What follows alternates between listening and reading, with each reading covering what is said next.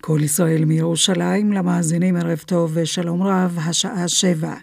הנה החדשות מפי ריבי גדות. שר החוץ של צרפת פביוס מסתייג מדבריו של ראש הממשלה נתניהו כי ישראל תדחה כל ניסיון לכפות עליה תכתיב בינלאומי, דברים שהתפרשו כדחייה של היוזמה הצרפתית לחידוש תהליך השלום. בביקור ברמאללה אמר פביוס כי המילה תכתיב אינה חלק מאוצר המילים של צרפת וכי מוטב שלא לשפוט מראש רעיונות שטרם הוצגו. בפתח ישיבת הממשלה הבוקר אמר נתניהו כי בהצעות שגורמים זרים מעלים אין מענה לצורכי הביטחון החיוניים של ישראל. נתניהו ופביוס ייפגשו הערב. באזור הר הזיתים נזרקו אבנים לעבר רכב פרטי ואחד מנוסעיו נפצע בראשו פצעים קלים. כתבנו עידן אבני מוסר כי במקום נערכות זריקות לאיתור המיידים. חבר הכנסת באסל גטאס מהרשימה המשותפת המתכנן להצטרף למשט שיגיע לרצועת עזה, אומר כי מדובר במשט הומניטרי שמטרתו להסב את תשומת לב העולם למצור שחיים בו תושבי עזה. הוא קרא להקים נמל ימי בעזה, והוסיף כי יש דרכים לפקח על הסחר דרכו. בריאיון במשדר היום הזה עם יוסי הדר אמר חבר הכנסת גטאס כי השאלה שיש לשאול אינה מדוע הוא מצטרף למשט, אלא מדוע הוא חבר הכנסת היחיד שעושה כן. במשכן הנשיא בירושלים הסתיים המפגש בין שרת התרבות מירי רגב לבין הבמאי עודד קוטלר ואומנים אחרים. בתום המפגש אמר הנשיא ריבלין כי לא ביקש לכנס את הצדדים לבוררות, אלא לומר כי עלינו להמשיך ולעבוד בשיתוף פעולה למען היצירה הישראלית. לדבריו כולנו מחויבים לאומנות ובמיוחד השרה רגב, שנבחרה בידי העם. רגב אמרה לנשיא כי היא תומכת בחופש הביטוי, אך חלוקת המשאבים למוסדות התרבות צריכה להשתנות. כך מוסר כתבנו בני דודקביץ'. שר החוץ של צרפת פביוס מבקש מירדן לנהוג על פי כללי המשפט המקובלים ולהסגיר לצרפת אזרח ירדני החשוד בטרור. האיש, זוהר אל-עבאסי, בן 62, חשוד שתכנן את התקפת הטרור על המסעדה היהודית בפריס לפני 33 שנים, שבמהלכה נהרגו שישה בני אדם. בשבוע שעבר מסר גורם משפטי בפריס כי הוכנה בקשה לצו הסגרה. מקור ירדני אמר כי הליך ההסגרה עלול להיתקל בקשיים, משום שירדן אינה נוהגת על פי רוב להסגיר את אזרחיה גם למדינות שיש לה עימן הסכם הסגרה. בית משפט השלום בראשון לציון האריך עוד ב-12 ימים את מעצרו של העבריין אסי אבוטבול, החשוד בפרשה המכונה 512.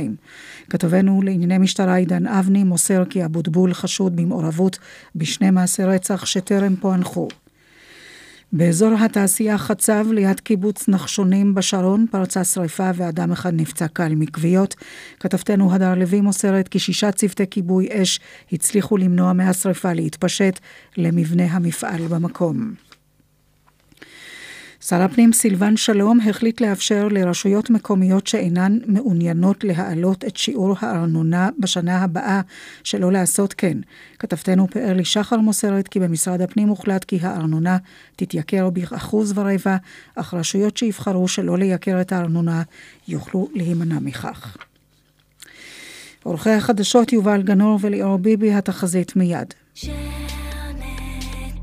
התקשרי לקוסמטיקאית ג'רנטיק והכירי את מראה האור הבריא, 1-835-1717, ג'רנטיק, הרבה מעבר לקוסמטיקה. והתחזית מחר ומחרתיים תהיה התחממות קלה, ביום רביעי וביום חמישי ירידה קלה בטמפרטורות. מידות החום המרביות בירושלים ובחיפה 26 מעלות, בתל אביב 28, בבאר שבע 31 ובאילת עד 37 מעלות. זה סוף החדשות מכל ישראל. רשת ב' של כל ישראל. כל החדשות. השידור הציבורי שלכם ובשבילכם. הרכב לא מניע? עכשיו באוטודיפו, מצבר שנאפ שבמבצע רק ב-490 שקלים. אוטודיפו, חסכת או נסעת? כפוף לתנאי המבצע. כאן רשת ב', מיד דין ודברים, אך לפני כן מוקד התנועה, איתן גור, בבקשה. ערב טוב איריס לביא, ערב טוב למאזינים, מוקד התנועה עדיין כאן, בדרך 6 דרומה, עומס תנועה ממחלף עין תות עד מחלף עירון, וגאה דרומה, עמוס ממחלף גאה עד מחלף בר אילן. צפונה עמוס ממחלף גנות עד מסובים. בדרך תל אביב-אשדוד עמוס אה, ממחלף השבעה עד אה, מחלף ראשון לציון. באיילון צפונה עמוס ממחלף לגוארדיה עד ארלוזרוב, ובאיילון דרומה עמוס ממחלף רוקח עד מחלף לגוארדיה. עד כאן ממוקד התנועה של כל ישראל, כוכבי 955 מטלפונים ניידים, 24 שעות ביממה. סעו בזהירות. תודה, ועכשיו שבע וחמש דקות. וזה הזמן לשתות כוס מים. אז מה עם מים? מוגש בחסות תמי 4 שטראוס מים, להצטרפות כוכבית 6944.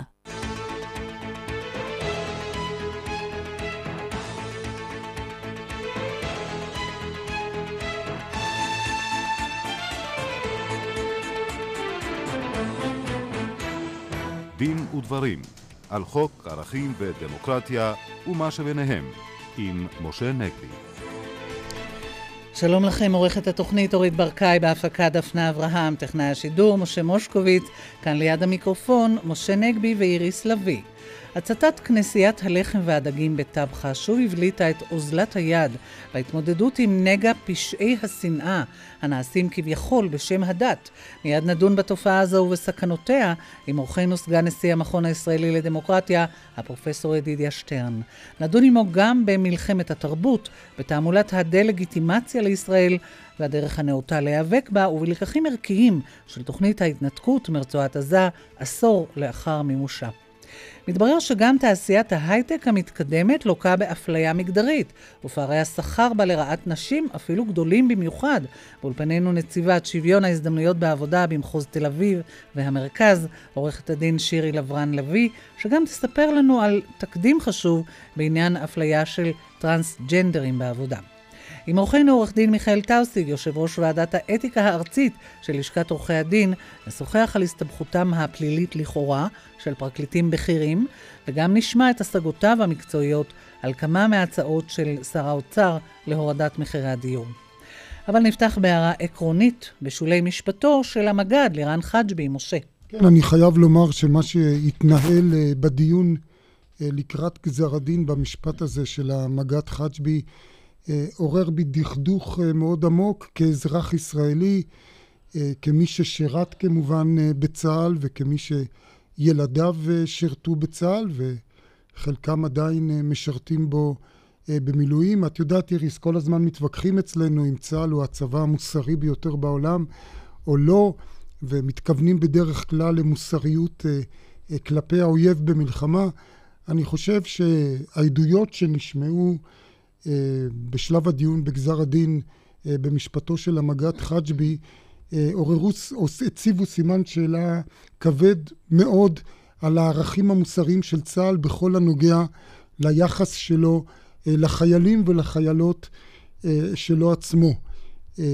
אני במיוחד צרמו לי אותם עדויות של אותם אלופים וקצינים בכירים שבאו וטענו, אין לי שום דבר נגד זה שהם דיברו אה, בשבח אה, יכולתו המבצעית אה, של חג'בי, לשם כך מביאים מדי אופי, זה לגיטימי לחלוטין, אבל מה שמאוד צרם לי, שהם ראו בכישורים המבצעיים שלו דבר שמלבין את מעשיו עד כדי כך שאין ואסור לדעתם לפגוע בדרגתו.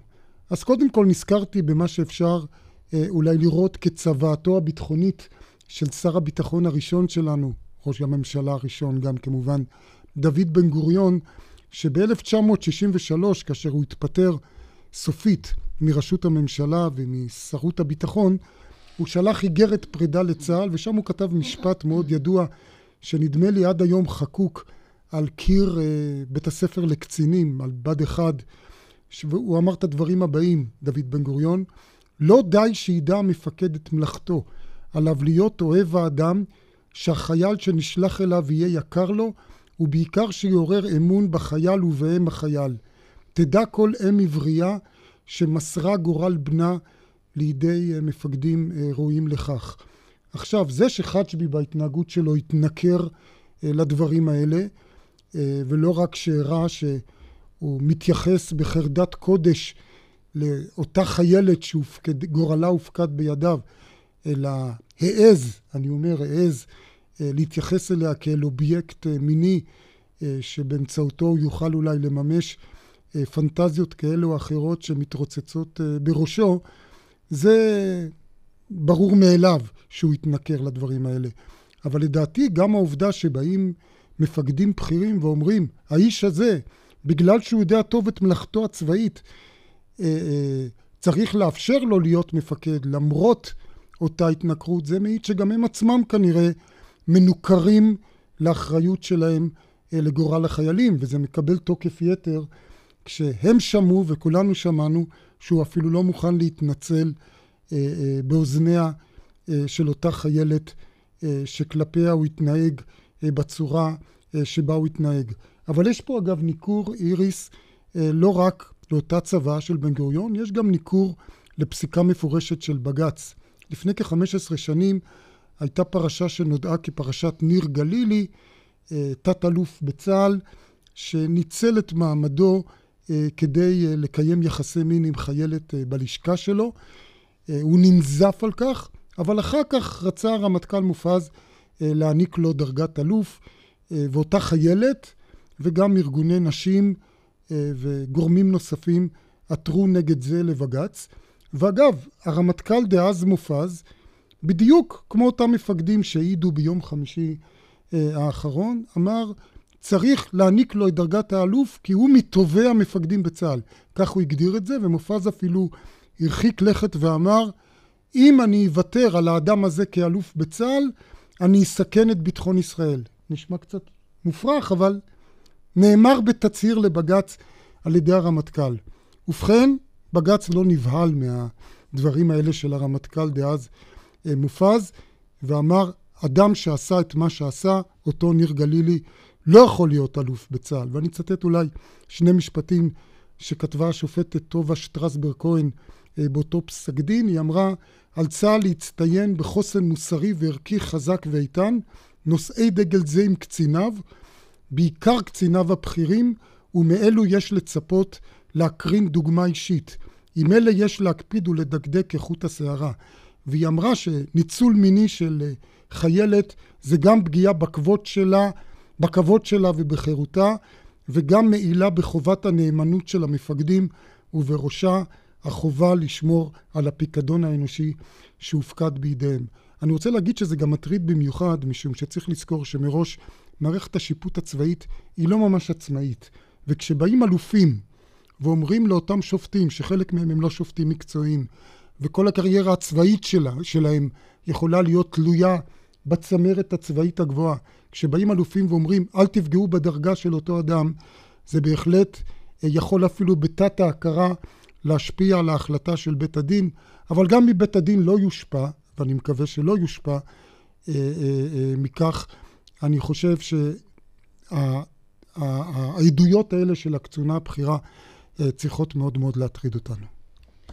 ועד כאן אה, בנושא הזה, ואנחנו רוצים עכשיו לעבור להצתת אה, כנסיית הלחם והדגים בטבחה שבכנרת, והיא מצטרפת לשורה של אה, פשעי שנאה שנעשים בשם הדת וההלכה. ואנחנו רוצים לפנות אליך, פרופ' ידידיה שטרן, סגן נשיא המכון הישראלי לדמוקרטיה. האצטלה הדתית הזאת, בכלל יש בה ממש? טוב, זה כמובן מופרך, זה היפוכו המוחלט של כל ציווי דתי, ובוודאי של כל ציווי מוסרי, ועבורי אין הפרש ולו קטן בין הציווי הדתי והציווי המוסרי. אבל ראוי לראות את המעשה הקשה הזה בפרספקטיבה יותר רחבה. אה, יהיה קל מדי לומר שמדובר על אה, מי יודע מה, שניים, שלושה פרחחים שלקחו ג'ריקן של דלק ועשו מה שבא להם. הרקע למעשה הזה הוא על הקיר. ואני חושש גם מהעתיד בהקשר הזה. צריך לזכור שבתוך הטקסטים של היהדות יש אה, כמובן אה, קושי לקבל דת אחרת, בוודאי דת ששלטה בנו במשך שנים רבות בגלות, וסימלה את האחר המסוכן, המאיים. וגם אבל... רדפה אותנו. ורדפה אותנו, ואינקוויזיציה היא כמובן רק דוגמה אחת. הנקודה היא נא שהמשמעות של הריבונות של מדינה יהודית היא שיצאנו מהצל הזה. אנחנו אדונים לעצמנו, אנחנו מדינה שאחראית על כל האחרים בה. והנה יש לנו הזדמנות היסטורית אחרי אלפיים שנה להיות הגביר כשהנוצרים הם בני חסותנו כאן. והמקומות הקדושים להם הם מקומות קדושים לא רק על פי דין המדינה, אלא על פי החוויה האנושית של מיליוני ויותר אנשים בעולם. זו חובה מספר אחת, מכל מובן שהוא, שאנחנו נגן על זה בגופנו. ואני אומר את הדבר החזק הבא, מנהיגים דתיים, יהודיים, צריכים לגשת לאתר שנשרף, לקרוא שם קריאה, להגיד מה שמכונה אצלנו בשפה תחנון, שזו תפילה מיוחדת למקרים שכאלה. זה צריך להיות אקט דתי, שקורא לתיקון דתי עקב אי הבנה של הסובלנות הבסיסית כלפי הזולת. במקרה הזה זולת דתי. אני אה, רוצה להזכיר שיש כמובן ארגון דתי שמאוד פעיל בנושא הזה, תג מאיר, אה, משקל נגד כמובן לאותו עניין מגונה של תג מחיר. כן. אבל בדיוק בעניין הזה אני רוצה לשאול אותך, פרופסור שטרן, ואני יודע שבזמנו עסקת בזה הרבה. לצערנו יש מנהיגים דתיים, גם ביהדות, כמובן התופעה הזאת של פשעי שנאה בשם הדת היא לא ייחודית ליהדות. כבר הזכרנו את האינקוויזיציה, אבל יש כמובן אה, פשעים נוראים, לא צריך לומר שנעשים בשם האסלאם אה, וכולי. אבל גם לצערנו, כמו שאמרנו, בשם היהדות כביכול. ואנחנו יודעים שיש מנהיגים, רואים את עצמם כחכמי הלכה, שמוציאים פסקי הלכה שמתירים את הפעולות האלה של תג מחיר, גם כלפי ערבים, גם כלפי נוצרים, ופשעי שנאה כלפי אחרים. ויש איזו מין תחושה שמערכת אכיפת החוק אה, נרתעת מלטפל באותם אנשים. אז מאוד קשה באמת למנוע מכל אה, קבוצה של בריונים, כמו שאמרת קודם, ילדים או נערים, אה, ללכת ולעשות מעשה כזה או אחר. אבל למה לא פועלים, יש איזו מין תחושה שלא פועלים לייבש את הביצה הרעילה הזאת של אותם פסקי הלכה אה, מסיתים. נכון, יש פה שתי רמות. רמה אחת היא רמת, רמת הביצוע, אנחנו יודעים שהיו נדמה לי 17 מקרים בתקופה האחרונה ואף אחד מהם לא פוענח, וברור שמדינת ישראל צריכה לשים את כל המשאבים האפשריים כדי לפענח את זה, אין פה תירוצים, אין פה הקלות, זה גם עניין אה, אסטרטגי לדעתי, מי שמבין את יחסי החוץ שלנו, מעבר לדבר הפשוט של זכויות אדם והגנה על האחר, זה באמת בהיקף רציני ביותר, צריך לטפל בזה בצד המעשי. אתה שואל אבל, משה, על הצד העקרוני, על הצד האידיאולוגי, על אלו שאולי נותנים היתרים מפורשים או לא מפורשים לאותם בריונים לבצע את המעשים, ואתה צודק. אנחנו חיים בעולם של חופש ביטוי. חופש ביטוי כולל גם חופש ביטוי דתי. צריך להכיל על אותם רבנים את הכללים הרגילים. אם מדובר בסכנה קרובה וודאית, וככל שיש יותר מקרים מהסוג הזה, ברור שיש אז הסכנה הולכת והופכת להיות קרובה וודאית. ואז מתעורר הצורך למנוע מאנשים לדבר, בוודאי בשם הדת, כי שם הסמכות מובילה לכך שהמעשה תוחף לאמירה. זה לא כמו שפרופסור אומר משהו ואף אחד לא שומע לו, כי הוא פרופסור. כשרב אומר, זה נשמע כציווי דתי. וכבר שמענו בעבר על דברים כאלה. כן, אולי נדבר איתך על הנושא שאנחנו כולנו בשיאו, אולי באמצעו, אולי אחריו, וזה מה שאנחנו קוראים סערת התרבות. אפרופו חופש ביטוי. בדיוק, הביטוי או אי הביטוי, גבולות המצפון, אולי למשל באמת אה, של מי שרוצה או לא רוצה להגיע למקום זה או אחר. והלגיטימיות של התערבות פוליטית. כן, העמדה האישית שלי היא שלחופש הביטוי כמעט לא צריכות להיות מגבלות. למעט באמת, כמו שאמרנו מקודם, סכנה קרובה וודאית, שזה מקרים סך הכל די נדירים מבחינה מעשית. אבל השאלה שנשאלת כאן היא לא רק השאלה של חופש הביטוי, אלא האם המדינה צריכה לממן כן או לא, זה, הרי, זה הנושא האמיתי. אף אחד לא אומר לסתום את... חופש המימון, כפי ש... בדיוק. האם מותר או, או, או, או יש אפשרות לגורם שעומד בראש משרד, משרד ממשלתי אה, לומר, לזה אנחנו לא נותנים כסף. ואני רוצה לקחת אנלוגיה ממערכת ההשכלה הגבוהה. שבעצם אותה שאלה מתעוררת גם שם.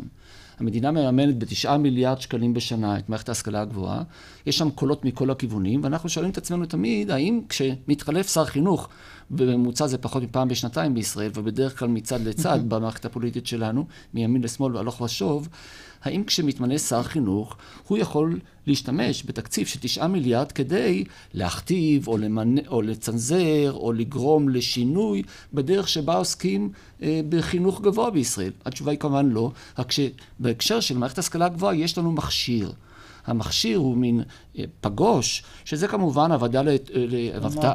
המועצה להשכלה גבוהה והוות"ת שבתוכה, שעוסקת בתכנון. וזה עניין מקצועי שהפוליטיקה איננה יכולה להתערב בו, למרות ששר החינוך באופן פורמלי הוא יושב ראש המועצה. מבחינה מעשית מאוד קשה לו להתערב. ואילו בתרבות, אתה אומר, כביכול יכולה השרה להגיד לא רוצה לממן את העלמידן? מה שאני מציע הוא תיקון מבני. היום יבוא, היום יש שרה מהכיוון הזה, מחר יבוא שר מהכיוון האחר. כולנו נמצאים באותה שאלה, מה נכון לעשות עקרונית. והתשובה צריכה להיות הקמת גוף מקביל, שלא יאפשר לפוליטיקה לשלוט במימון, אלא הפוליטיקה תקבע כמה כסף יועבר לקופסה הנקראת תרבות בשנה נתונה, שזה העניין של החלטה משתנה. רגע, למשל באותה הצגה בסל תרבות, הרי יש ועדה של קריטריונים ויש לקטורים, אז... ויש אנשים שישבו והם אמורים להיות איזשהו פגוש, כמו שאתה אומר. אז אינני יודע איך השרה יכולה להתערב אם זה עובד. מה שאנחנו צריכים להבטיח שהכסף הזה יועבר לקופה ציבורית, ששם פועלים שיקולים מקצועיים, שם המינויים מקצועיים, הם לא תלויים בש... בזהות הפוליטית או בהעדפות האישיות של שרה. אני כן חושב שהפוליטיקה צריכה להכריע כמה כסף יועבר לתרבות מול צרכים אחרים. וזה יכול להשתנות מקואליציה לקואליציה, לפי ההחלטות שתתקבלנה בכל עת. אבל לא. אבל לא החלוקה הפנימית. מה דעתך על נושא באמת של חופש המצפון, של שחקן אה, בתיאטרון שנתמך על ידי משרד התרבות או העירייה, להגיע או לא להגיע למקום שבעיניו, נגיד, הוא נוגד את ההשקפה שלו. אני חושב שחרמות זה דבר גם מטופש ולא יעיל, וגם דבר לא הגון. ואני חושב שעצם הרעיון של חרם הוא רעיון מגונה בעיניי לכל הכיוונים. אבל האם זה כשלעצמו סיבה למנוע את המימון, זו שאלה נפרדת בפני עצמה. כי זה גם חופש האי-ביטוי של אותו אדם, לא להופיע איפה שהוא מרגיש לא נוח.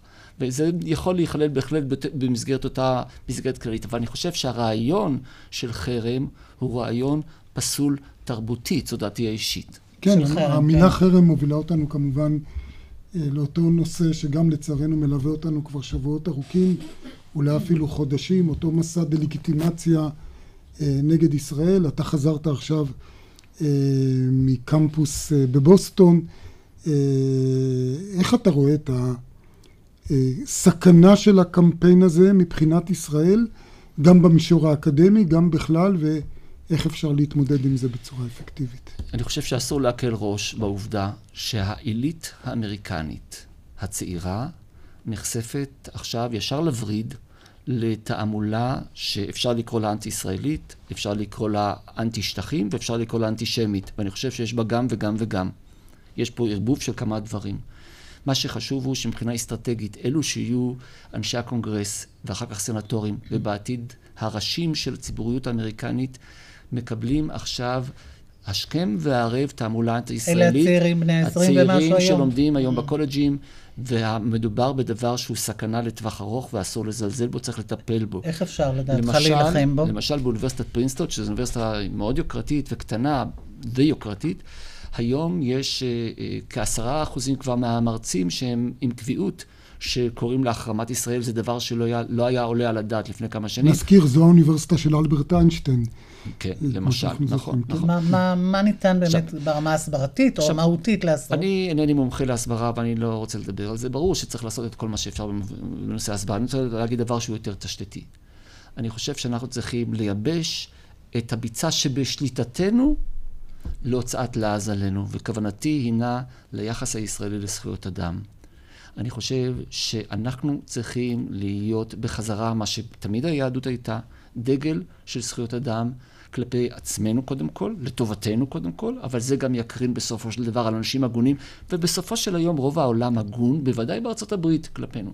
המשמעות של העניין הזה, ואני לא רוצה להיות פוליטי, המשמעות של העניין הזה היא לא בהכרח נקודה כזאת או אחרת באג'נדה פוליטית של ימין ושמאל, אלא קומיטמן, התחייבות אמיתית של עצמנו להיות אחראים לתיקון עולם במובן של זכויות אדם, כלפי כל אחר באשר הוא. רגע, זכויות אדם בישראל למשל, זה גם אה, זרים, זה גם פלסטינאים, זה גם למי נכון, אתה מתכוון? נכון, זה גם הומוסקסואלים, וזה גם עובדים זרים, וזה גם נשים, וזה גם בעלי מוגבלויות. ונוצרים. וכמובן נוצרים שבהם פתחנו.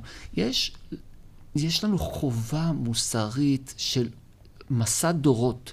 אנחנו הבאנו את רעיון זכויות האדם אל קדמת הבמה, גם במובן ההיסטורי של הרעיון של ספר בראשית, שכל האדם נברא בצלם, שזה רעיון מדהים. והוא משפיע כמובן עד היום על כל התרבות המערבית, וזה רעיון שלנו. וגם באופן ריאלי, כל הרעיון של זכויות אדם במגילה של האו"ם נבע ממחשבה יהודית, והיהודים ליוו את נלסון מנדלה בדרום אפריקה, ואת, ואת קינג, את הכומר, את הכומר קינג. בארצות הברית. אבל רוב המחרימים מחרימים את ישראל על רקע הכיבוש. אז אני לא רוצה להיכנס לשאלה זה- הזאת, כי זה, זה קל עובדתי, מדי. כן. נכון, אבל זה קל מדי, כי יגידו לך אנשים שאינם חושבים שזה כיבוש, אוקיי, אז זה כבר לא העניין שלנו. אני פונה אל כל אחד מאיתנו. תהיה השקפה שלנו אשר תהיה לגבי השטחים. יש לנו מסע של זכויות אדם, הוא קשור כמובן לוויכוח על השטחים, זה פיל שבחדר, אני לא אומר שהוא לא קיים, לא. אבל אני לא חושב שזה רלוונטי רק למי שחושב שהפתרון הוא התנתקות מהשטחים. וזה אמרת מוביל אותנו התנתקות? להתנתקות, כן. ונזכיר, אנחנו עומדים עשור, אה, כמעט כבר עשור לאחר אה, הביצוע של תוכנית ההתנתקות. אני גם מזכיר למאזינים, פרופסור שטרן, שאתה היית חבר בוועדת החקירה הממלכתית בראשות המשנה בדימוס לנשיא בית המשפט העליון, השופט אליהו מצה, שעסקה אה, בטיפול, יש לומר, הלא מוצלח לכל הדעות, אה, במפונים באותה התנתקות. אני גם אומר שפרסמת מאמר מאוד מקיף על ועדת החקירה הזאת אה, והתנהלותה בספר לכבוד אליהו מצה, שגם עסקנו בו בתוכנית הזאת. אה, איך אתה רואה באמת מנקודת מבט ערכית, משפטית, את הלקחים מההתנתקות עשר שנים אחרי? כן, אני חושב שביצוע ההתנתקות בשטח באותם תשעה ימים לוהטים בחודש אב לפני עשור, היה אחד מרגעי השיא של של הממלכתיות הישראלית, שאנחנו יכולים להיות גאים בו. אני חושב שגם המפונים וכל מי שתומך בהם התנהגו באופן יחסית מדהים לטובה, לקחו על עצמם את מסע האחריות ולא סירבו, לא, נשפך, לא נשפכה טיפת דם.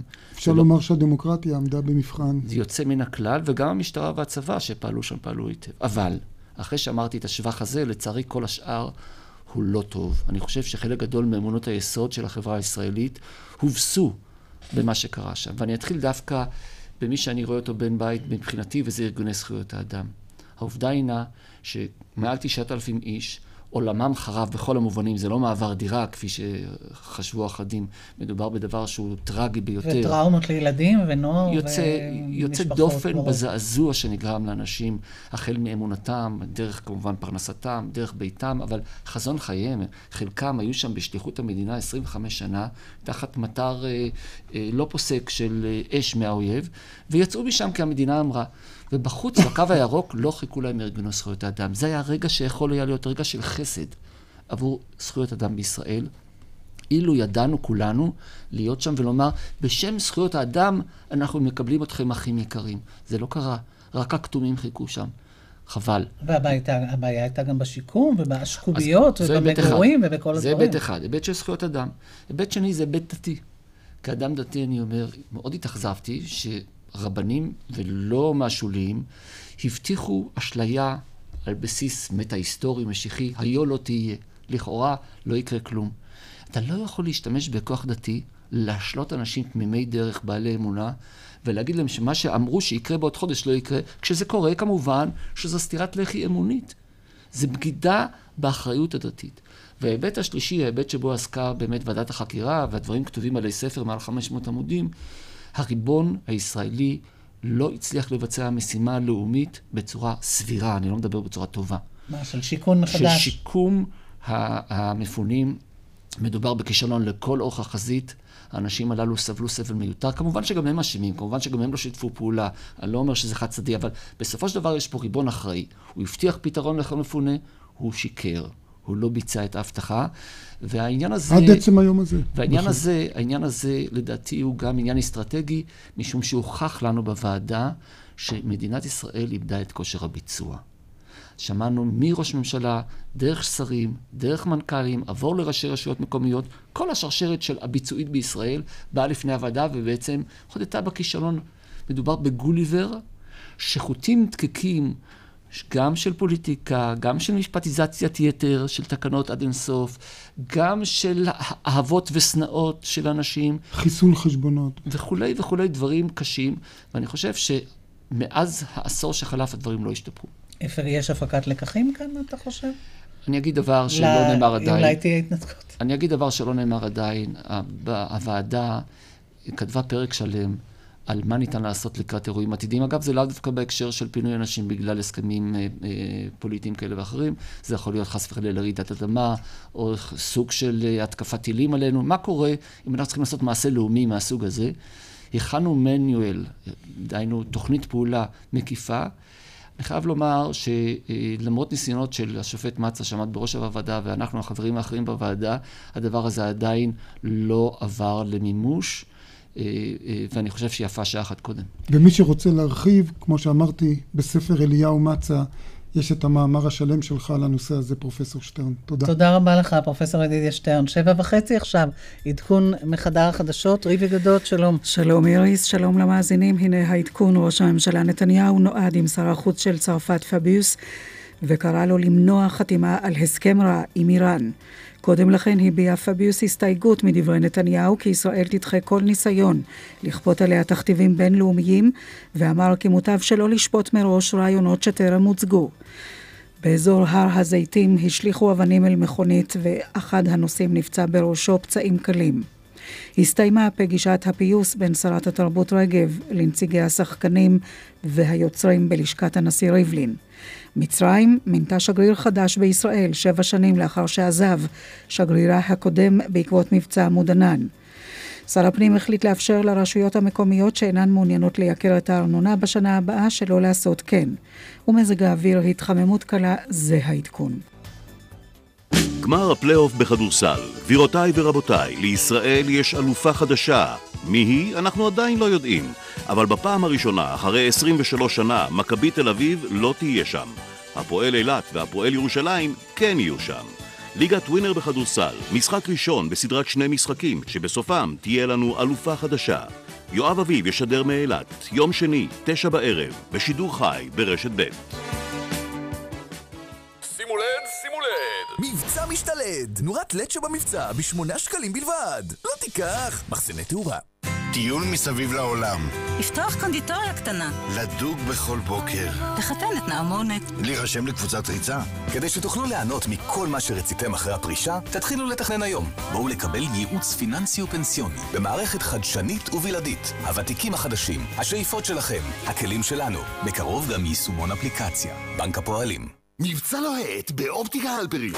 משקפי ראייה שבמבצע, כולל עדשות, וגם משקפי שמש אופטיים. שני זוגות במחיר בסיסי ומשתלם ביותר. 299 שקלים בלבד. אופטיקה הלפרין. הורים, החופש גדול עליכם? מהרו להירשם. גם השנה משרד החינוך ומרכז השלטון המקומי יפתחו בחופשת הקיץ את בית הספר של החופש הגדול. מסגרת חינוכית וחווייתית מפוקחת שתעשיר את הילדים ותחסוך להורים. בתי הספר של החופש הגדול יפעלו מ-1 ביולי במשך שלושה שבועות ויציעו תוכנית חינוכית וערכית הכוללת ארוחת בוקר קלה ומגוון פעילויות. ההרשמה בעיצומה. מידע באתר משרד החינוך ובאגף החינוך ברשות המקומית. במקום לומר, יום אחד נשדרג את הבית, שדרגו עכשיו את הבית ביום אחד. חברת פנדור מזמינה אתכם להחליף את כל דלתות הפנים בביתכם ביום אחד. ועכשיו, מ-1,380 שקלים בלבד לדלת, כפוף לתקנון. פנדור, חברת הדלתות הגדולה בישראל. טלוויזיות קונים ב... מזגני טורנדו קונים ב... דלתות פנדור, חברת הדלתות מספר אחת בישראל. מזגני תדירן, קונים ב...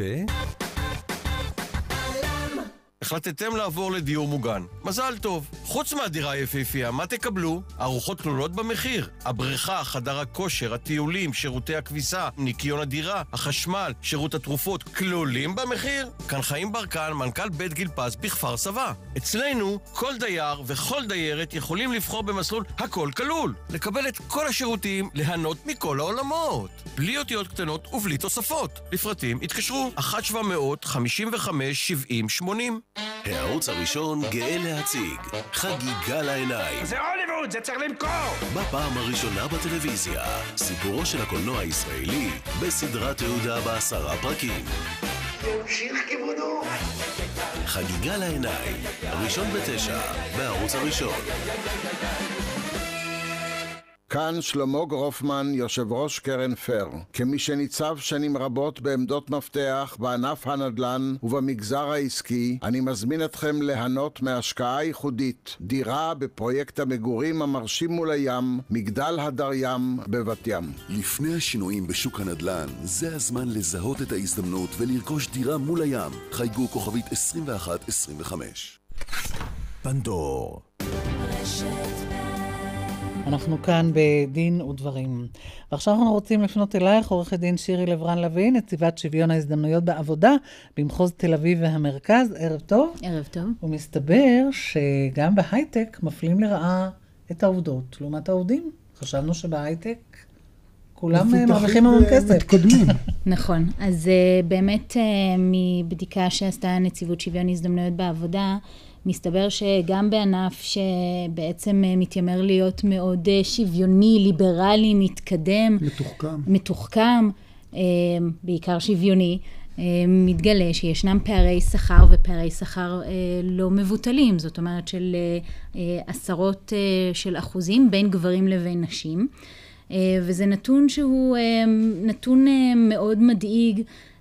קודם כל כי הוא מראה לנו שגם בענף שהוא אחד מענפי הדגל של המשק הישראלי מתקיימים פערי שכר מגדריים שאנחנו יודעים שהם תופעה של, תופעה חברתית קשה מאוד בחברה שלנו. אבל גם מה שעוד מדאיג זה שבעצם היינו מצפים לכאורה שדווקא בקרב אוכלוסייה שיש לה הרבה מאוד מודעות לסוגיות כמו שוויון הזדמנויות בעבודה, עדיין אנחנו מגלים פערי שכר. אבל מדובר בכל עובדי הייטק? כלומר, גם במתכנתים הבכירים וגם בפקידים או בפקידות היותר נמוכים? אז, או בחסרי הידע הספציפי? הבדיקה ש...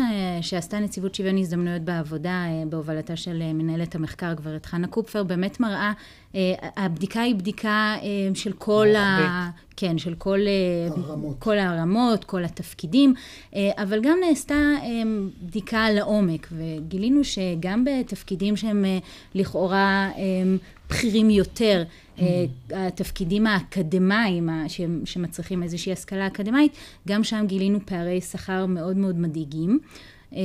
ואז כמובן גם בחנו את העניין הזה שהרי יש איזושהי תפיסה כזו שטוב, הנשים בסופו של דבר הן עובדות פחות שעות בגלל האחריות ההורית שאיכשהו היא נחלתן בלבד, אבל הבדיקה שעשתה הנציבות מוכיחה שגם הבדיקה השעתית, השכר השעתי בין נשים לגברים, גם הוא מראה שיש פערים. יש לי שאלה, זה גם מטמיע מהבחינה הזו שהיית מצפה מנשים שבתעשייה הזאת, שהן יהיו יותר מודעות לזכויות שלהן, יתקוממו יותר. אתם עשיתם את הבדיקה הזאת ביוזמתכן, או זו תוצאה של תלונות אה, של אותן נשים, או שאת יכולה להגיד שבעצם גם בהייטק באמת נשים אולי הפנימו את האפליה שלהם ובאיזשהו מקום משלימות איתה? אז אני אתחיל בלומר כן לכל מה שאמרת, ואני אחדד. למעשה, אחד מנושאי הדגל של הנציבות זה מלחמה בפערי השכר המגדריים בכלל. והיה לנו חשוב לאור נתוני למ"ס חדשים שהתקבלו, לראות באמת מה קורה בענף ההייטק, אם, אם זה משהו שהוא מנת חלקם של ענפים מסוימים בלבד. עכשיו, אני חושבת שאין ספק שיש כאן איזושהי הטמעה של נורמות חברתיות שהן הטמעה גם של המעסיקים שמשלמים את השכר וגם של הנשים העובדות וגם של הגברים שעובדים והאחריות ההורית שהיא אולי משותפת אבל לא שוויונית עוד בבית. אבל אני חושבת שאחת מהסיבות העיקריות היא דווקא היעדר המידע. זאת אומרת, מאוד נהוג בעיקר בהייטק. שהשכר לא הוא השכר, סודי. השכר הוא סודי. אז גם לא מדברים על זה כי אנחנו לא נוהגים לדבר על זה בכלל. וכמובן שיש בהייטק סעיפים מאוד דרקוניים על סודיות. זאת אומרת, מי שמספר mm. לקולגה שלו בהפסקת קפה כמה הוא מרוויח, הוא עובר אווירה מאוד חמורה. אני אומרת כמובן בלשון סגי. אז אם את לוקחת מתכנת מול מתכנתת, זה חד משמעי שהוא יסתכל יותר? ממה שבדקתם? לפי, לפי הבדיקה שלנו, אז כן. ותמיד, או...? אני רוצה להאמין שזה לא כן. כך תמיד, אבל הסיפורים מדברים בעד עצמם, אנחנו רואים את זה גם בשכר עצמו, אנחנו רואים את זה גם בדרישות השכר, שנשים באות ואומרות, טוב, אני מאחר שאני בסופו של דבר ארצה לצאת יותר מוקדם הביתה, כי אני צריכה להוציא את הילדים מה, ממוסדות mm. החינוך, אז אני מראש אדרוש פחות, כדי שזה יתמרץ את המעסיק לקבל גם אותי, כאשר בפועל היא מבצעת עבודה לא פחותה. ובהייטק מה... עובדים שעות רבות יותר מהמגזר האחר. נכון, אח, אחת מהבעיות היא בעצם באמת שהאיכות העבודה לא נמדדת בתפוקה ובאיכות, אלא הרבה פעמים היא נמדדת רק בכמה זמן אתה נשאר במקום העבודה, שאנחנו יודעים שזה לא מדד מדויק ברור. לאיכות העבודה. פרופסור שטרן, איך אתה רואה את המציאות העגומה הזאת, ואולי גם את הנושא הזה של באמת אה, אה, שימוש בסעיפי סודיות כדי... אה, לאפשר את המשך האפליה הזאת. אני חושב שיש ערך רב במה שאתן עושות, אה, משום שבאמת ההוצאה לאור של העובדות הללו כולל מספרים, ויש, אני ראיתי, יש גם מספרים שאומרים... פער של 45 אחוז. כן, אבל אנשים גם, נשים עכשיו יכולות לדעת כמה מקבל הגבר המקביל להם. זה הערך הגדול של העניין. זאת אומרת, יש להם כוח לדרוש שכר שוויוני. על בסיס עובדות שעכשיו הן פחות או יותר ידועות. מעניין אותי לשאול, אבל אם ידוע לך אם אותו דבר קיים גם בעשייה, בתעשיית ההייטק בחוץ לארץ, בעיקר בארצות הברית, האם גם שם יש הבדלים? אז כן, אה, אני לא יודעת לומר לך כרגע את המספרים. אה, אנחנו נמצאים במקום לא כל כך מכובד כמדינה בפערי שכר בכלל, אה, אבל מתקיים גם שיח מאוד מעניין בהייטק בארצות הברית, שיח שהתגבש על ידי מספר נשים בהייטק, שהן אגב לא אותן הנשים שאנחנו רגילים לראות בכותרות כמו מריסה מאייר או שריל זנברג, דווקא הרמות הסמי בחירות. כן. אה, שהן מחליטות אה, לנהל איזשהו שיח ו, ולבדוק מה קורה אצלן בבית ולבוא ולומר אה, משהו, משהו כאן לא תקין, זאת אומרת בואו נדבר על זה. וכן, הולך ומתפתח שיח שכן משפיע על העובדות שנמצאות כן. בהייטק כאן, אני אפילו... יש גם בסך... בהייטק בארצות הברית יש חופשת לידה של שבוע, גם על זה שמענו. כן. של מנכ"לית גוגל, נדמה לי. בסך הכל צריך לזכור, מדובר בעבירה על החוק. אה, בכל מקרה של אפליה כזאת, כי יש לנו חוק שמחייב אה, שכר שווה לעובד ולעובדת.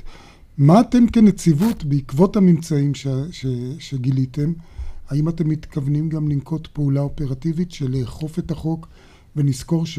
החובת השוויון היא גם במגזר הציבורי, אבל גם בפרטי. זה, זה נכון מאוד. אה, קודם כל, אה, אני אנצל את הבמה הזאת כדי לקרוא לכל מי שיודעת או שחושבת שהיא מופלית בשכרה, לבוא ולפנות אלינו, ואנחנו כמובן נבדוק כל מקרה לגופו. אה, יש לנו כרגע בטיפולנו מקרים שבהם מעסיקים בהייטק מתכחשים לעובדה שקיימים פערי שכר ובסמכויות שלנו לבוא ולדרוש נתונים וזו סמכות מאוד מאוד חשובה שיש לנציבות לבוא ולדרוש נתונים ממעסיקים על מנת להוכיח שקיימת אפליה.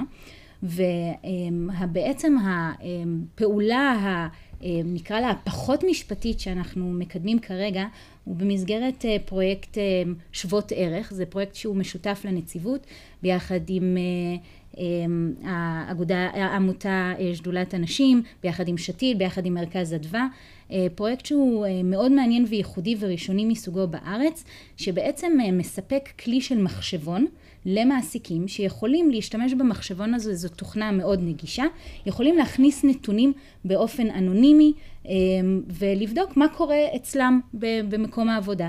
ו, ואז לתת להם בעצם את הכדור להחליט האם הם עושים משהו עם פערי השכר האלה, או נותנים להם מצב להימשך כפי שהוא.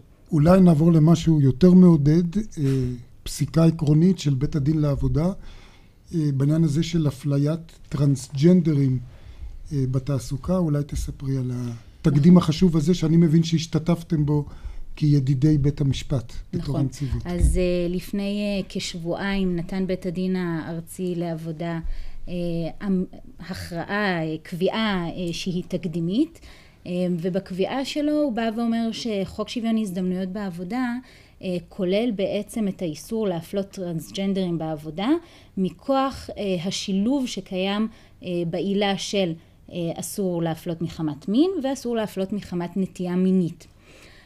אני חייבת להגיד שלא הייתה איזושהי מחלוקת ידועה לגבי האם אה, אסור להפלות טרנסג'נדרים בעבודה, אבל כפי שאנחנו יודעים הרבה פעמים אה, גם המשפט יוצר מציאות והשיום הזה, זאת אומרת הניימינג הזה, הקביעה שכן אסור להפלות טרנסג'נדרים בעבודה, אה, זו איזושהי קביעה שהיא תקדימית והיא חשובה בין היתר אולי, גם... אולי תזכירי את העובדות של המקרה הזה. אני מבין שבעצם אה, פיטרו את אותה גברת טרנסג'נדרית בגלל שהיא דיברה בצורה גלויה על הזהות המגדרית הזאת שלה. נכון. אז אה, מרינה משל אה, בעצם הייתה חונכת במסגרת אה, של מט"ח. המרכז לטכנולוגיה המרכז חינוכית. המרכז לטכנולוגיה חינוכית, היא הייתה שוב שם פעם, חונכת במתמטיקה. המקום שהיינו מצפים בו לקדמה. כן. ובעצם היא העלתה בין היתר במהלך ההפסקות של השיעורים המקוונים שהייתה נותנת, בהמשך לטענתה להנחיות שהיא קיבלה, הייתה מנסה לעורר איזשהו שיח שהוא לא רק המתמטיקה שהיא הייתה צריכה ללמד. ואז היא דיברה גם על ההשתתפות של המועמדת ב-The Voice שהגיעה מבית ספר דתי ושוחחה על מה שהיא עברה. ו... ובשל כך בעצם... ובשל כך היא זומנה לשימוע ונאמר לה אל תדברי על, על, הש... על, על הטרנסג'נדריות שלך או למעשה על הזהות המגדרית שלך. והיא קיבלה את זה כמובן באופן מאוד מאוד קשה.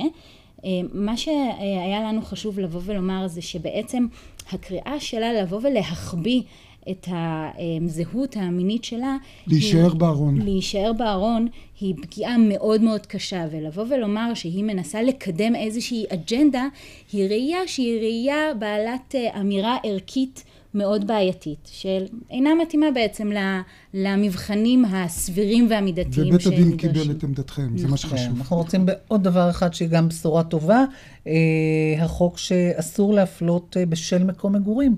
אולי בקצרה למי ששומע אותנו עכשיו, אם אתה גר או גרה רחוק ממקום העבודה, ואומרים לך לא נקבל אותך כי את גרה רחוק, זה כבר לא חוקי. נכון, אז עילה חדשה שנוספה לחוק שוויון הזדמנויות בעבודה, היא באמת האיסור להפלות מחמת מקום מגורים.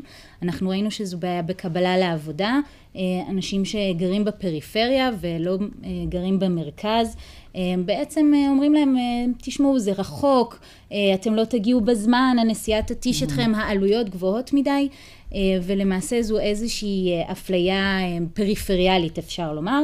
היום זו נחשבת עילה בלתי נפרדת מהחוק, ואסור שלא לקבל אדם לעבודה בשל מקום המגורים שלו. אולי עוד בשורה טובה לסיום, היום התבשרנו שעברה בוועדת השרים לחקיקה אותה הצעת חוק של חבר הכנסת יואב קיש, שבעצם בא להבהיר את העניין הזה שחייבים לאפשר ייצוג הולם לאנשים עם מוגבלויות בשירות המדינה, בשירות הציבורי. אתם בוודאי מברכים על זה. בנציבות. אנחנו... זה לא מה שאתם עוסקים בו, אבל מברכים. נכון, אנחנו תמיד מברכים על דברים כאלה. תודה רבה לך, עורכת דין שירי לברן לביא, ועכשיו אנחנו אליך, עורך דין מיכאל טאוסיג. והשגות שיש לך, השגות מקצועיות על כמה מהיוזמות של שר האוצר לגבי שוק הדיור, למשל ביטול הפטור ממס שבח ליורשי דירה, כדי שלא יזדרזו למכור אותה, בעצם על פניו סיבה טובה. כן. ההצעה אומרת לא שיבוטל הפטור, אלא שהוא יהיה מותנה בזה שימכרו את הדירה תוך שנתיים. זה אומנם מובן על רקע החברתי שרוצים, כלכלי, שרוצים שיהיו יותר דירות למכירה, אבל זה לא מעשי. זה לא מעשי מפני שתוך שנתיים מפטירת מנוח לפעמים עדיין אין צו ירושה, הרבה פעמים יש עדיין מחלוקת בין היורשים, ולא רק זה, זה גם יכול להביא לתוצאות לא רצויות בנושאים אחרים, למשל, אם יש צוואה שמדירה את אחד היורשים, אז הוא יכול לבוא ולהתנגד ולמשוך את הדיונים יותר משנתיים, ובבתי המשפט לא קשה למשוך שנתיים. וככה לסחוט בעצם את היורשים. וככה לסחוט בעצם ויתורים. אני מבין שאתה גם מסתייג מהעניין הזה של העלאת מס רכישה לרוכשי דירות להשקעה, כי אתה אומר שבעצם זה אולי יתרום לשוק הדירות לקנייה, למי שרוצה לקנות דירה, אבל בעצם המס הזה יגולגל על השוכרים של אותם דירות, וזה בעצם יעלה את שכר הדירה ויפגע בשוכרים שמראש מצבם יותר קשה מאלה שיכולים לקנות דירה. זה בוודאי יכולה להיות תוצאה, מובן שאין לנו כלים למדוד את זה, אבל אנחנו מכירים את המציאות הכלכלית-חברתית שלנו, אנחנו חיים אם נרצה ואם לא במשטר קפיטליסטי, פירוש הדבר במובן שכל אחד יגלגל את ההוצאה שהוא הוציא על, על מי שמשלם. אבל בלי בלמים ואיזונים של הממשלה בכל זאת? זה יצטרכו לעשות, לנסות לעשות איזונים. ודאי שהממשלה תוכל לעשות איזון. למשל, הממשלה תוכל לומר שהיא מקפיאה, וכבר יש דיבורים על כך, שהיא מקפיאה את דמי השכירות ששולמו mm-hmm. למשך תקופה מסוימת, ואת הבעיה הזאת זה יכול לפתור. עורך דין אה, אה, טאוסיג, אני חושב שאולי השורה התחתונה של כל מה שאמרת זה, וזה נכון לגבי הרבה חוקים, לצערנו אנחנו רואים, אל תחבזו בחקיקה, תבדקו קודם מה אתם מחוקקים. ואת כל ההשלכות. אה, אני, אני לא יכול אה, שלא לנצל את נוכחותך כאן, כבר הזכרנו בראשית הדברים, אתה יושב ראש ועדת האתיקה הארצית של אה, לשכת עורכי הדין. איזה תחושה יש לך כמי שמופקד על האתיקה של עורכי הדין, כשאתה רואה אומנם פרקליטים בודדים צריך לומר, אבל מאוד בכירים, מאוד בולטים, כולל מי שהייתה פרקליטת מחוז ועורך דין מאוד ידוע ומתוקשר, יושבים מאחורי סורג ובריח, מעצר עד תום ההליכים, אה, לאחר כתב אישום, האם זה לא בסופו של דבר עוד סימפטום להידרדרות ערכית אתית? שאנחנו חשים, אני חושב, כל הזמן שיש בעיה בתחום הזה. אה, בקרב ציבור עורכי הדין. או אולי אתה לא חושב שיש הידרדרות. קודם כל אה, צריך לבוא ולומר שאין בפנינו פסק דין, אלא הכל בגדר חשדות. כתבי אישום. אבל, וכתבי אישום, ו... אבל יש תחושה מאוד מאוד לא נוחה, תחושה מאוד של הידרדרות. אה, אני אתן, וכאן מדובר בעשרות עבירות מכל מיני של העשייה של צחוק ולעג של כל כללי האתיקה, שאנחנו לפעמים מעמידים אה, עורך דין לדין אתי בגלל איזו עבירה, וכאן יש בפנינו כן, עשרות אולי, אולי רבות. נדגים, אולי באמת נדגים איך... כן. בזמנו, אני אתן הדגמה לזה, בזמנו דובר על עורך דין מאוד בכיר, שהיה גם שר בממשלה, והחליטו להעמיד אותו לדין מפני שהוא אה, סיכם ששכרו יהיה מותנה בהצלחה בהליך פלילי, שזה דבר אסור, אבל זה הוגבל אצלו רק לשלב של אה, אי העמדה לדין בכלל. ועל זה אמרו שזה לא תקין. והנה אנחנו שומעים שבא עורך דין, כמו רונל פישר במקרה הזה, ואומר לבן אדם, אה, אני דורש כך וכך כסף, חצי מיליון או כל סכום אחר, ואני מבטיח לך, התשלום מותנה בכך שהתיק נגדך ייסגר. ואתה אומר, כבר בשלב הזה, עוד לפני שנכנסנו בוודאי. לחשדות בשוחד וכולי, כן. יש פה פשע אתי. כן, כבר זו עבירה על כלל מפורש בכללי האתיקה. וזה דבר שלא ייתכן. גם מעבר לכך, שכל עורך דין, מעבר לכלל, כל עורך דין גם אה, לא צריך שנוהג באתיקה, לא צריך להבטיח ללקוח, אלא צריך לקיים. יש שיניים לוועדת האתיקה? ועדת האתיקה מעמידה לדין אה, עורכי דין רבים, ואני רוצה לומר לכם שפרשת אקיוטק, שהסעירה את המדינה, שעורכי דין אה, דרשו חובות שלא היו ולא נבראו, התופעה הזאת די נבלמה, אולי נבלמה לחלוטין, לפי התחושה שלי, בעקבות הפעולה של ועדת האתיקה הארצית. אז מה היא עושה? מעמידה לדין מעמידה משמעתי, לדין משמעתי, בוודאי. עם סנקציות? הדין המשמעתי יכולים mm-hmm. לקחת לעורך הדין את הרישיון לתקופה מסוימת, או גם להוציאו לצמיתות מן הלשכה. Mm-hmm. מובן שיש גם הרשעות אה, פחות חמורות, ואז מטילים קנס או נזיפה, גם זה קיים. מקיימים השתלמויות? אה, יש השתלמויות של עורכי דין, אה, יש אולי פחות מדי בנושאי אתיקה, אבל בכנסים לפעמים יש גם על נושאי אתיקה. אני לא רוצה לשאול אותך, אה, עורך דין טאוסיג, עוד פעם, נושא שעלה בעקבות פרשת רונל פישר, אבל לא רק, שאנחנו שומעים כבר הרבה זמן על אה, חשדות מאוד חמורים נגדו, עכשיו זה רק הבשיל אה, לכתב אישום, ובהתחלה לפחות הוא המשיך עוד לעבוד אה, כעורך דין, גם לאחר שהוא כבר היה עצור פעם ראשונה תקופה מסוימת.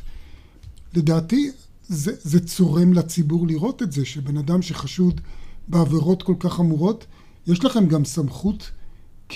ועדת אתיקה ליזום השעיה של עורך דין כן. לפני שהוא מורשע? יש, אבל יש תנאי אחד. לפי סעיף 78 ל... לחוק אפשר לשלול רישיון זמנית, להשעות עורך דין זמנית מעיסוק במקצוע, אם הוגש נגדו כתב אישום בעניין אה, שיש בו קלון. לא אם הוא עבר עבירת חנייה או אלא אם הוא עבר עבירה שיש עימה קלון, אפשר להעמיד אותו לבית דין משמעתי, וכאן בעצם מה שהחוק מאפשר הוא אה, האנשה עוד בטרם משפט. זה דבר מרחיק לכת, אבל הדבר הזה קיים. עכשיו, לפרשה הספציפית של רונל פישר, הוא השעה את עצמו מהמקצוע בשלב מוקדם, וחסך את ה... כן. אה, כן. אולי עורך דין טאוסיג, הערה אחרונה, אני חוזר לשאלה הראשונה שלי.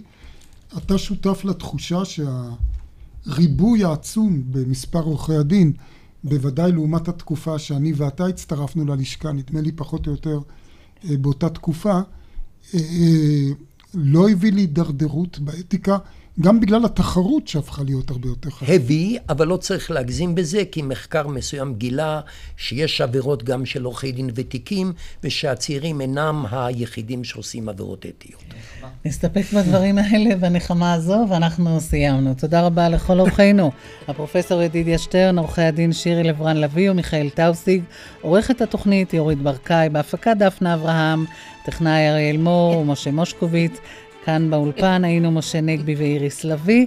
ניתן להאזין לנו באתר רשת ב', אנחנו נשוב בשידור חי של דין ודברים ביום ראשון הבא. אחרינו מהדורת מבט מן הערוץ הראשון. ערב טוב.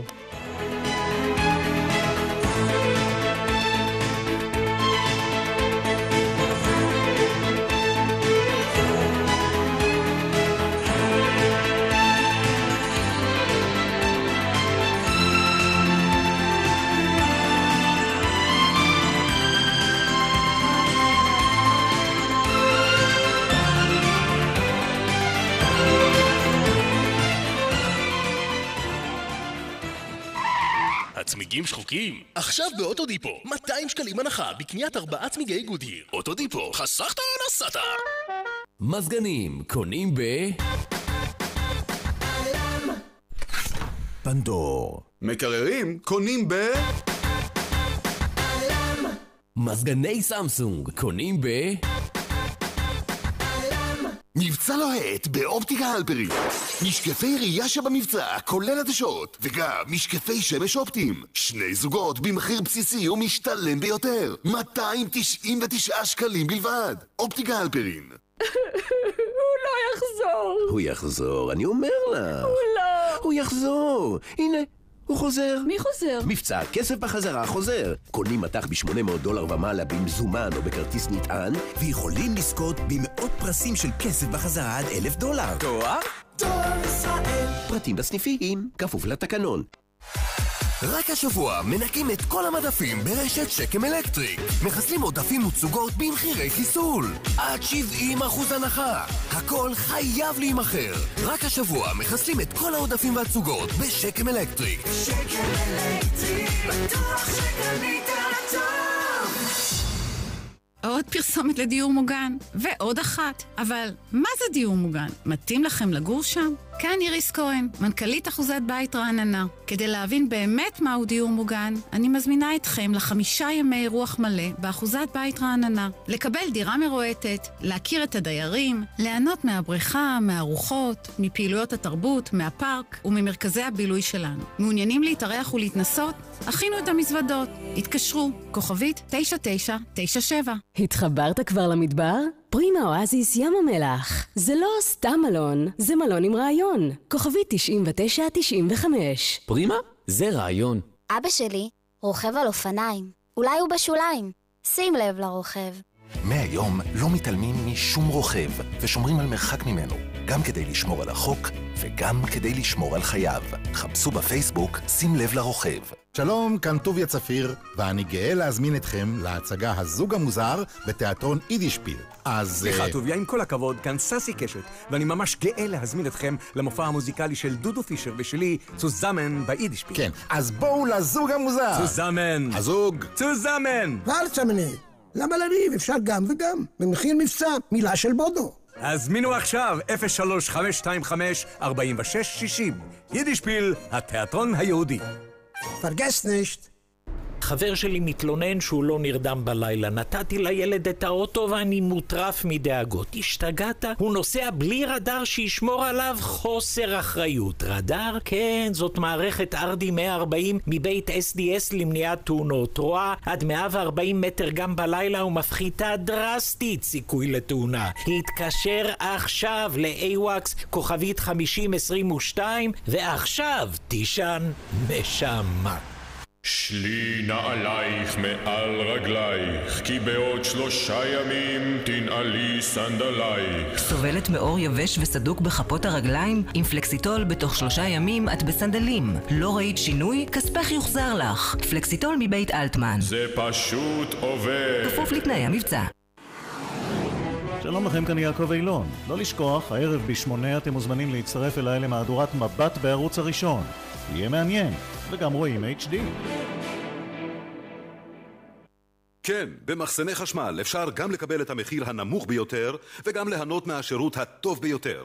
עובדה, רשת מחסני חשמל זכתה שוב בגביע הזהב ובמקום הראשון על שביעות רצון הלקוחות מטיב השירות. שימו לד, שימו לד! מבצע משתלד! נורת לד שבמבצע בשמונה שקלים בלבד! לא תיקח! מחסני תאורה.